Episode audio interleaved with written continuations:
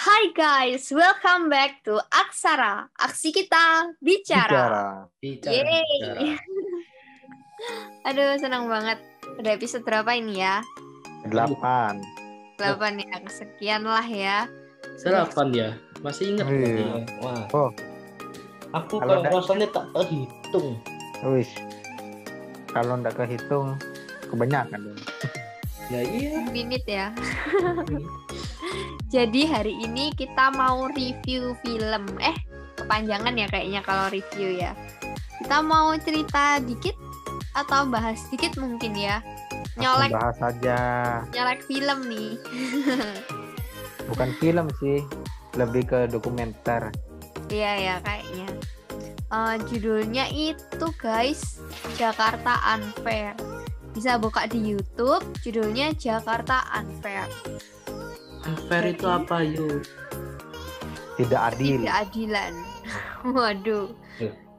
Dari Kamu judulnya jangan- bikin penasaran ya. Apa yang tidak adil di Jakarta? Jadi setelah kita menonton filmnya selama hampir satu jam,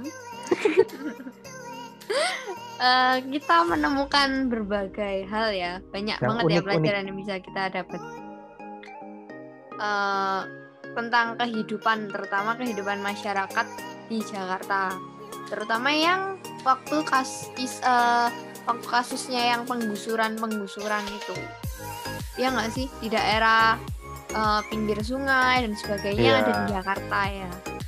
Dan itu eh, apa ya selaras sama apa yang kita bicarain tentang hak dan kewajiban hak asasi Tapi- manusia lebih tepatnya ya. Di sini kit- aku sudah melihat ya beberapa masalahnya itu mereka ini banyak pertama ya dari segi Hmm. warga pertamanya mereka kan tidak menerima adanya penggusuran seperti yang kita tahu mana ada sih orang yang mau digusur dari tempat tinggalnya ya Yes. Apalagi benar. kita sudah menempati tempat itu sudah berpuluh-puluh tahun mungkin sudah dari generasi-generasi sebelumnya nah tapi di sini aku bisa lihat ya ada sisi negatif pasti ada positif juga kan ya. Nah negatifnya eh positifnya ya mereka dikasih tempat tinggal yang baru yang lebih layak yang lebih manusiawi untuk ditinggali lah intinya. Kan dari dulu yang cuma gubuk-gubuk jadi sekarang bisa menempati rumah yang tapi rumahnya berupa rusun sih Hmm. nah di ceritanya ini aku lihat tuh pem- apa ya hmm, warganya itu sep- sepertinya awalnya kesal ya karena tempat tinggalnya di direlokasi eh, apa digusur untuk dijadikan apa ya Hmm, Jadi memperluas Oh. area sungai kayaknya ya. Iya. Sari Asungai. menghindari bencana sih rasanya aku lihat ini. Banjir. Karena lebih- masalahnya itu sih banjir di Jakarta itu bukan karena curah hujan tinggi itu bukan, tapi bawaan dari yang atas, dari dataran tinggi. Ya itu yang penyebabnya mengapa kok sering banjir. itu banjir. nah Banyak- tapi ya. selain itu juga karena aku lihat-lihat ini kayak saluran pembuangan airnya ya juga banyak yang mampet sih aku lihatnya itu yang terakhir itu sambungan ada yang mampet gara-gara ranting pohon nah apa gitu loh. Nah, selain karena itu di sisi lain positifnya juga kan mereka jadi apa ya hidupnya lebih enak lah ya karena Mm. menempati tempat yang baru. Nah, kelihatannya enak ya. ya kelihatannya. Nyaman. Nah, setelah itu ditinggali lah tempat itu karena sudah digusur tempatnya. Nah, ini dia negatifnya. Banyak dari mereka aku li, baca oh tadi nonton itu dari 13.000 13.000 apa namanya? kepala keluarga ya. Apa boy 13.000 yang menempati nah, setengahnya loh 6.000 berapa itu ya hampir setengah atau setengah lebih ya nunggak nggak bayar semuanya Wow. Nah, menurutku di sini Hmm. siapa yang salah? Kita kan intinya, oh, kon tak kasih fasilitas kok, kon kok malah melunjak. Kan intinya kan kalau dari segi pemerintah kan mikir kayak gitu kan ya. Hmm. Nah, tapi dari segi warga, kan kita bisa met- apa ya? Apakah mereka kebutuhan ekonominya cukup lah untuk membayar itu? Apakah mikirnya pemerintah itu lapangan pekerjaannya sudah cukup untuk membiayai hidup mereka sehari-hari ketika Ap- di tempat tinggal yang baru? Iya, apa mereka sudah bisa dengan cepat menyesuaikan diri dengan Nah. kondisi yang awalnya kayak gini, tiba-tiba mereka dipindah di tempat yang jauh, itu kan jaraknya jauh-jauh ya dari Iya, tempatnya mereka, terus membangun lagi usaha baru. aku lihat sih membangun usaha baru banyak, nggak banyak sih ya Chan. Soalnya aku lihat ya banyak yang kehilangan mata pencarian. Kayak aku lihat itu ada yang biasanya ibu-ibu jual sandal, bantu kayak untuk bungkus-bungkus jualan. Nah, karena mereka dipindah, mereka tidak dapat melakukan pekerjaan itu lagi dan Hmm. itu membuat ekonomi mereka tambah menurun aku lihat. Nah di sisi inilah menurutku pemerintah itu salah dan melanggar aturan dari segi apa ya namanya hmm, segi ekonomi apa ya segi haknya untuk rakyatnya sih. Kan karena mereka dikasih hak yang baru jadinya mereka mau melakukan kesalahan yang baru di sini. Nah, seharusnya menurutku itu pemerintah itu memberikan lapangan pekerjaan yang apa ya, yang bisa membuat ekonomi mereka itu meningkat, bukan malah menurun kayak gini. kalau bisa itu jangan sampai menghilang Gak Nah. apa-apa kalau seandainya profesinya sama contoh nih dia Ada yang nelayan. nelayan ya ya udah nelayan Mm-mm. Gitu. Karena nggak mungkin juga loh. Kayak aku sendiri. Aku jurusanku teknik manufaktur ya dalam aku eh seandainya aku sudah kerja di apa gitu ya. Lalu Iya. aku harus ganti di pekerjaan yang lain. Belum tentu juga aku bisa menguasai. Ya, benar. itu. Jadi ya nggak apa-apa kok seandainya eh, profesimu tetap itu yang penting jangan sampai kehilangan karena kalau kehilangan ya pengangguran kan akhirnya Nah, dan itu menyebabkan banyaknya lagi pengangguran. Mm-mm. dan membuat ekonomi kita negara kan jadi malah turun jadinya. dan apa ya kayaknya kesulitan untuk beradaptasinya mereka juga jadi salah satu faktornya deh kalau menurutku karena kan kalau misalnya nih eh, dengan situasi yang kayak rumah rus rusunnya yang baru itu jauh dari tempat kerjanya mereka kan otomatis kayak mereka mau nggak mau tertekan eh, apa ya mau nggak mau harus mencari em, mata pencarian yang baru gitu kan nah kemampuan eh, dari mereka sendiri dan kemampuan untuk menyesuaikan diri sama keadaan yang baru, pasar yang baru itu juga mempengaruhi banget gak sih? Iya. cuman Nah. itu sih eh sebenarnya itu Jokowi itu Jokowi itu gubernur ya itu ya jadi itu sudah kan pernah kan kalian dengar kayak menyediakan kartu untuk bus trans apa bu- bus trans Jakarta untuk jadi Hmm, orang yang dari benar. jauh itu bisa ke tengah kota itu sebenarnya bisa dimanfaati kok gitu loh nah cuman ya aku nggak tahu. Karena saya ini bukan orang Jakarta ya jadi saya belum tahu apakah itu benar-benar jalan atau tidak. Karena aku hanya melihat di kita itu sih. Nah, selain itu ya, mungkin juga ya jadinya yang bikin apa ya warganya itu malah lebih tersiksa sih katanya jadi di tempat yang baru ini. Karena situasi yang berbeda dan mereka kayaknya kurang di apa ya diberi pengarahan tentang fasilitas-fasilitas yang ada seperti yang katamu tadi itu Ren. Mm-mm.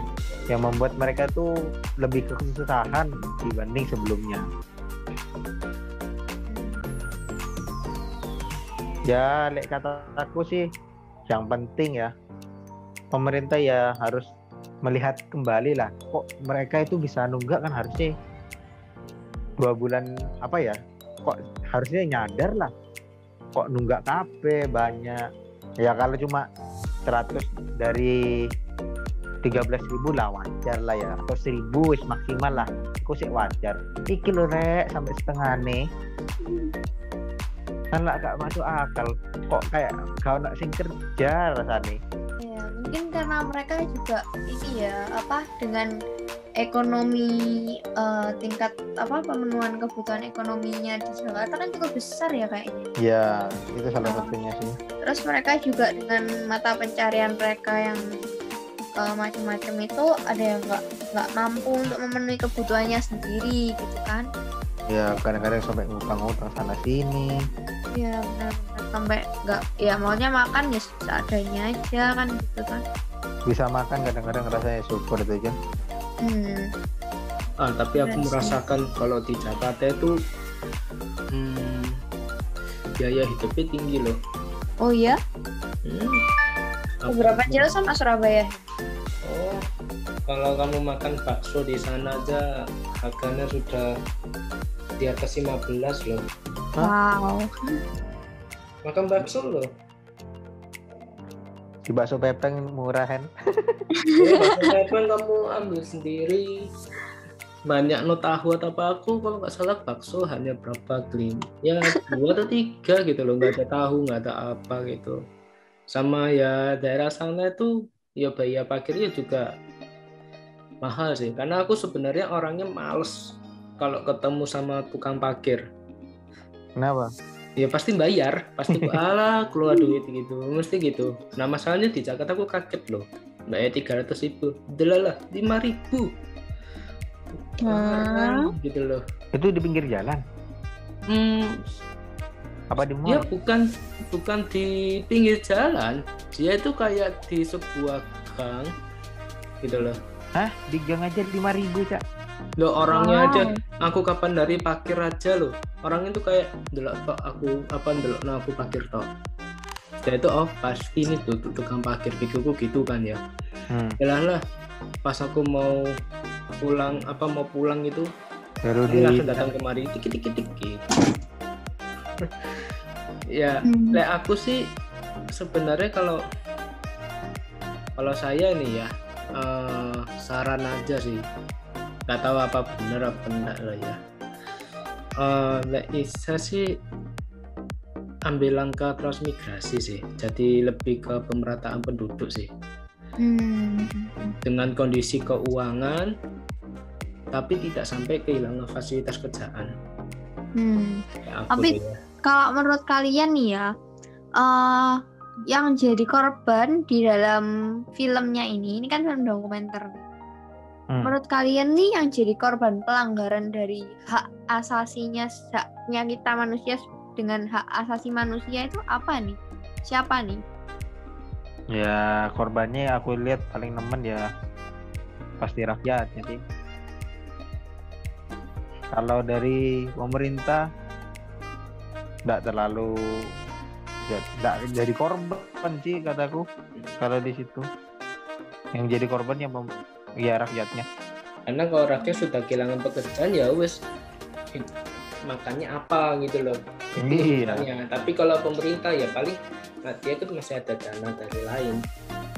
Nah, paling pem, apa dananya pemerintah agak turun ya paling gitu. Tapi masih tetap bisa makan mm-mm. tapi kalau orang orang ke ya aku nggak bilang orang kecil ya tapi orang-orang yang dengan ekonomi yang rendah gitu kehilangan pekerjaan ya itu wes mikir hancur gimana Hmm. jadi memang berat sih untuk bagi warga Kalau kita bi- bicarain tentang HAM, soalnya tentang manusianya ya, hak yang kita terima sebagai manusia ya. Mm-mm. Lain lagi kalau kewajiban hak dan kewajiban, kalau dia kewajiban kayaknya ya dua-duanya punya hak dan kewajibannya masing-masing nggak sih? Karena itu tanahnya bukan maksudnya bukan punyanya rakyat benar-benar punya rakyat nggak sih Ya, aku secara nggak langsung gitu. kayak pemerintah punya hak juga buat pakai tanah itu dan memperbaiki wilayah Jakarta kalau misalnya Iya, eh, untuk dari sudutnya baik. pemerintah lah ya kan Hmm. Hmm. karena emang itu tanahnya pemerintah kecuali itu kalau tanah itu punyanya kita nah itu Hmm. yang nggak boleh ya karena apa pun tindakan penggusuran itu eh, ada aturannya nggak anggar untuk gusur gitu nggak anggar. Mm, mm, mm. itu sih. Apalagi kayak kalau di film itu tuh juga ada eh, keterangan dari Jokowi kalau dia itu ngerasain rasa sakitnya digusur gitu. Dia tuh ngerasain rasa sakitnya waktu digusur. Jadi kayak eh, sebenarnya apa ya kayak Jokowi benar-benar Pak Jokowi benar-benar nggak tega gitu untuk menggusur eh maunya ngadakan eh, sampai penggusuran itu terjadi itu benar-benar nggak tega apalagi waktu satpol pp dan rakyat itu lagi crash gitu Iya. Eh, itu itu kayak karena tugasnya satpol pp maunya pemerintah itu kan kayak melayani rakyat kan Iya, sebagai wakil rakyat lah. Ya tapi pemerintah memang memang ya mau nggak mau ya karena sekarang kalau gitu, terjadi bencana nggak mau. gitu kalau terjadi bencana gila bisa aja kehilangan nyawa atau apa ya ya kan apalagi kayak- banjir kondisinya ya Mm-mm. kan karena kalau banjir mungkin Hanyut. kalau misal dari sisinya pemerintah ya aku pikirin tuh gini mungkin pemerintah juga mempertimbangkan dengan eh, kalau banjir terus menerus kerugian materi eh, apa ya kerugian Dana, ya dana dari reservasi. banjir itu terus kesehatannya masyarakat juga ya kan Mm-mm. Sebenarnya kayak ra- pemerintah juga mikirin rakyatnya, cuma mungkin karena rakyatnya juga merasa nyaman dan oh, it's okay dengan kondisinya, ya ada yang nggak mau digusur kan. Mm-mm. Terus kalau menurut kalian nih, yang jadi pelaku pelanggaran dari HAM di film ini tuh apa? Siapa? Dua-duanya. Dua-duanya melanggar. Kenapa dua-duanya? Kalau dari pemerintah ya melanggarnya itu karena bikin apa ya? hmm, mengambil haknya rakyat sih kataku. Hmm, Karena kan ibaratnya kan itu kan tanahnya rakyat diambil. Nah, itu pelanggaran kataku sih. Ya bukan kan diambil sih. Cuma, walaupun diambil kan dikasih fasilitas baru. Nah, cuma salahnya tidak memberikan kan karena sudah mengambil haknya kan rasanya ada mata pencarian yang ter tidak dapat di ana ya da- dapat direalisasikan di tempat yang baru. Nah, itu kehilangan toh. Nah, harusnya kewajibannya pemerintah harus memberi lapangan pekerjaan yang baru karena benar. sudah mengurangi apa ya mengurangi aktivitas warganya yang membuat yang harusnya kebutuhannya mencukupi jadi mengurangi. Nah kalau dari segi warganya salahnya apa? Salahnya sudah dikasih fasilitas yang baru tapi mereka tidak mau bayar pajak. Yes. eh tidak bayar pajak bayar sewa. Oh, aku lihat sampai nunggak 3 sampai 4 bulan loh Hmm. Nah, dan salahnya lagi ya mungkin ya. Bukan salah sih kataku. Mungkin mereka ya karena bingung. Bingung juga ya pasti. Mungkin mungkin tapi mereka kurang mengerti teknologinya yang baru atau fasilitas yang itu tidak mengerti. Mereka jadi tidak mau mengikuti perkembangan lah ibaratnya. Jadinya mereka ya salah jadinya. Nggak bisa mencukupi kebutuhannya itu sih harusnya Oke, jadi di sini eh, apa ya? Ya pemerintah punya hak dan kewajiban, rakyat juga punya hak dan kewajiban ya. pasti Dan sama-sama memperjuangkan hak asasi manusia. Mm-mm. Jadi, kalau menurut kalian, rekomendasi untuk menyelesaikan permasalahan ini kayak gimana? kalau aku, dari aku loh ya Hmm, itu harusnya pertama ya kalau paling gampangnya ya Hmm. itu cari penyebabnya dulu kenapa mereka tidak bisa membayar eh karena mereka tidak bisa membayar cicilan eh tunggak sewanya itu pertama nah terus yang aku lihat kan karena mereka mereka nggak bisa karena lapangan pekerjaannya minim. Nah harusnya kasih lapangan pekerjaan baru. Itu sih kalau mau paling gampang sudah Iya, lek kataku. Aku setuju juga sih.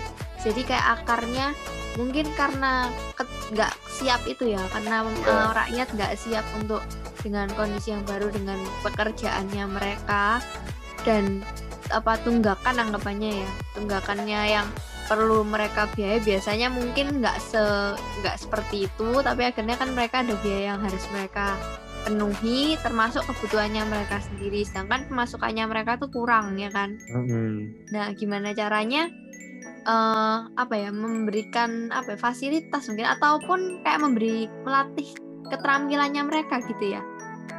Kayak workshop, workshop gitu mungkin ya Iya, pemerintah ya. bisa sih harusnya tuh. Kayak PKM PKM lah.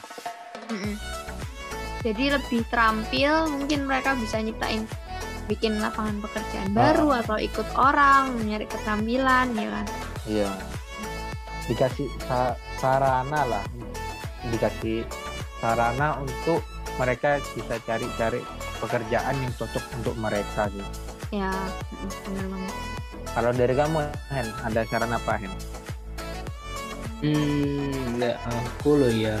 Kan kita tahu kalau Jakarta kan padat ya. Hmm. Nah, aku lebih mengarah untuk pemerataan penduduk. Jadi itu langkah besar sih sebenarnya. Jadi dibag, apa ditaruh di provinsi mana, provinsi mana, tetapi dia aktivitasnya tetap sama. Yo, iya, bisa sih itu. Karena kalau aktivitas yang berbeda itu eh, aku nggak tahu, tapi hal terburuknya orang sana nggak orang orang sana tuh nggak tahu nanti kerjaannya gimana. Nah itu susahnya. Hmm. Jadi ya ya aku sih langkah besarnya mending pemerataan penduduk. Jadi biar tidak terlalu padat di di Jakarta. Nah, di, lalu sudah itu eh, mulailah pelebaran sungai. Iya, harusnya gitu dulu sih. Kayak aku gitu sih. Karena kalau pelebaran sungai posisi orangnya memang terpaksa dia harus tinggal di sana itu ya susah juga sebenarnya. Itu sih. Kalau dari saya. Ya, dan kalau memang memungkinkan yang mereka yang me- kayak yang masih di kolong jembatan, eh, yang masih belum layak ditempatkan di eh, kayak tempat yang layak ya, ya dan apa ya di eh, diberi keterampilan juga, terus dipersiapkan lah anggapannya Iya. ya. Hmm, Diberi apa namanya arahan dulu sebelum me- merealisasikan. Jadi kesimpulannya apa, Hen? ya kesimpulannya sih apa pun itu apa yang kita akan lakukan kita harus tahu dulu hak dan kewajibannya kita. Tidak sampai melanggar hak asasi manusia yang terpenting. Karena Yes. manusia sendiri itu eh, apa ya dia tuh punya hak untuk hidup. Itu yang terutama. Mm-mm, sama hak untuk meneruskan anak cucu-cucunya. Karena kan tidak mungkin mm-mm. dia itu menelantarkan anaknya Hmm. Dan keturunan yang akan datang. Mm-mm. dan itu apa pun itu ya Indone- apa negara itu bisa berkembang apa tidak bisa berkembang kalau tidak ada masyarakat Iya. jadi memang harus hidupnya itu harus eh, berdampingan berhubungan sambil apa atau enggak lebih istilahnya bersimbiosis mutualisme Kalau negara, kalau masyarakatnya sejahtera, negaranya sejahtera gitu ya. Iya. Kalau bukan warganya yang mengembangkan negara, masa cuma siapa lagi? Kan Iya. pemerintah kan sebagai fasilitas juga cuma untuk mengembangkan. Nah, jadi itu guys yang kita bicarakan di podcast kali ini. See you di podcast berikutnya. Dadah. Terima kasih. Terima kasih.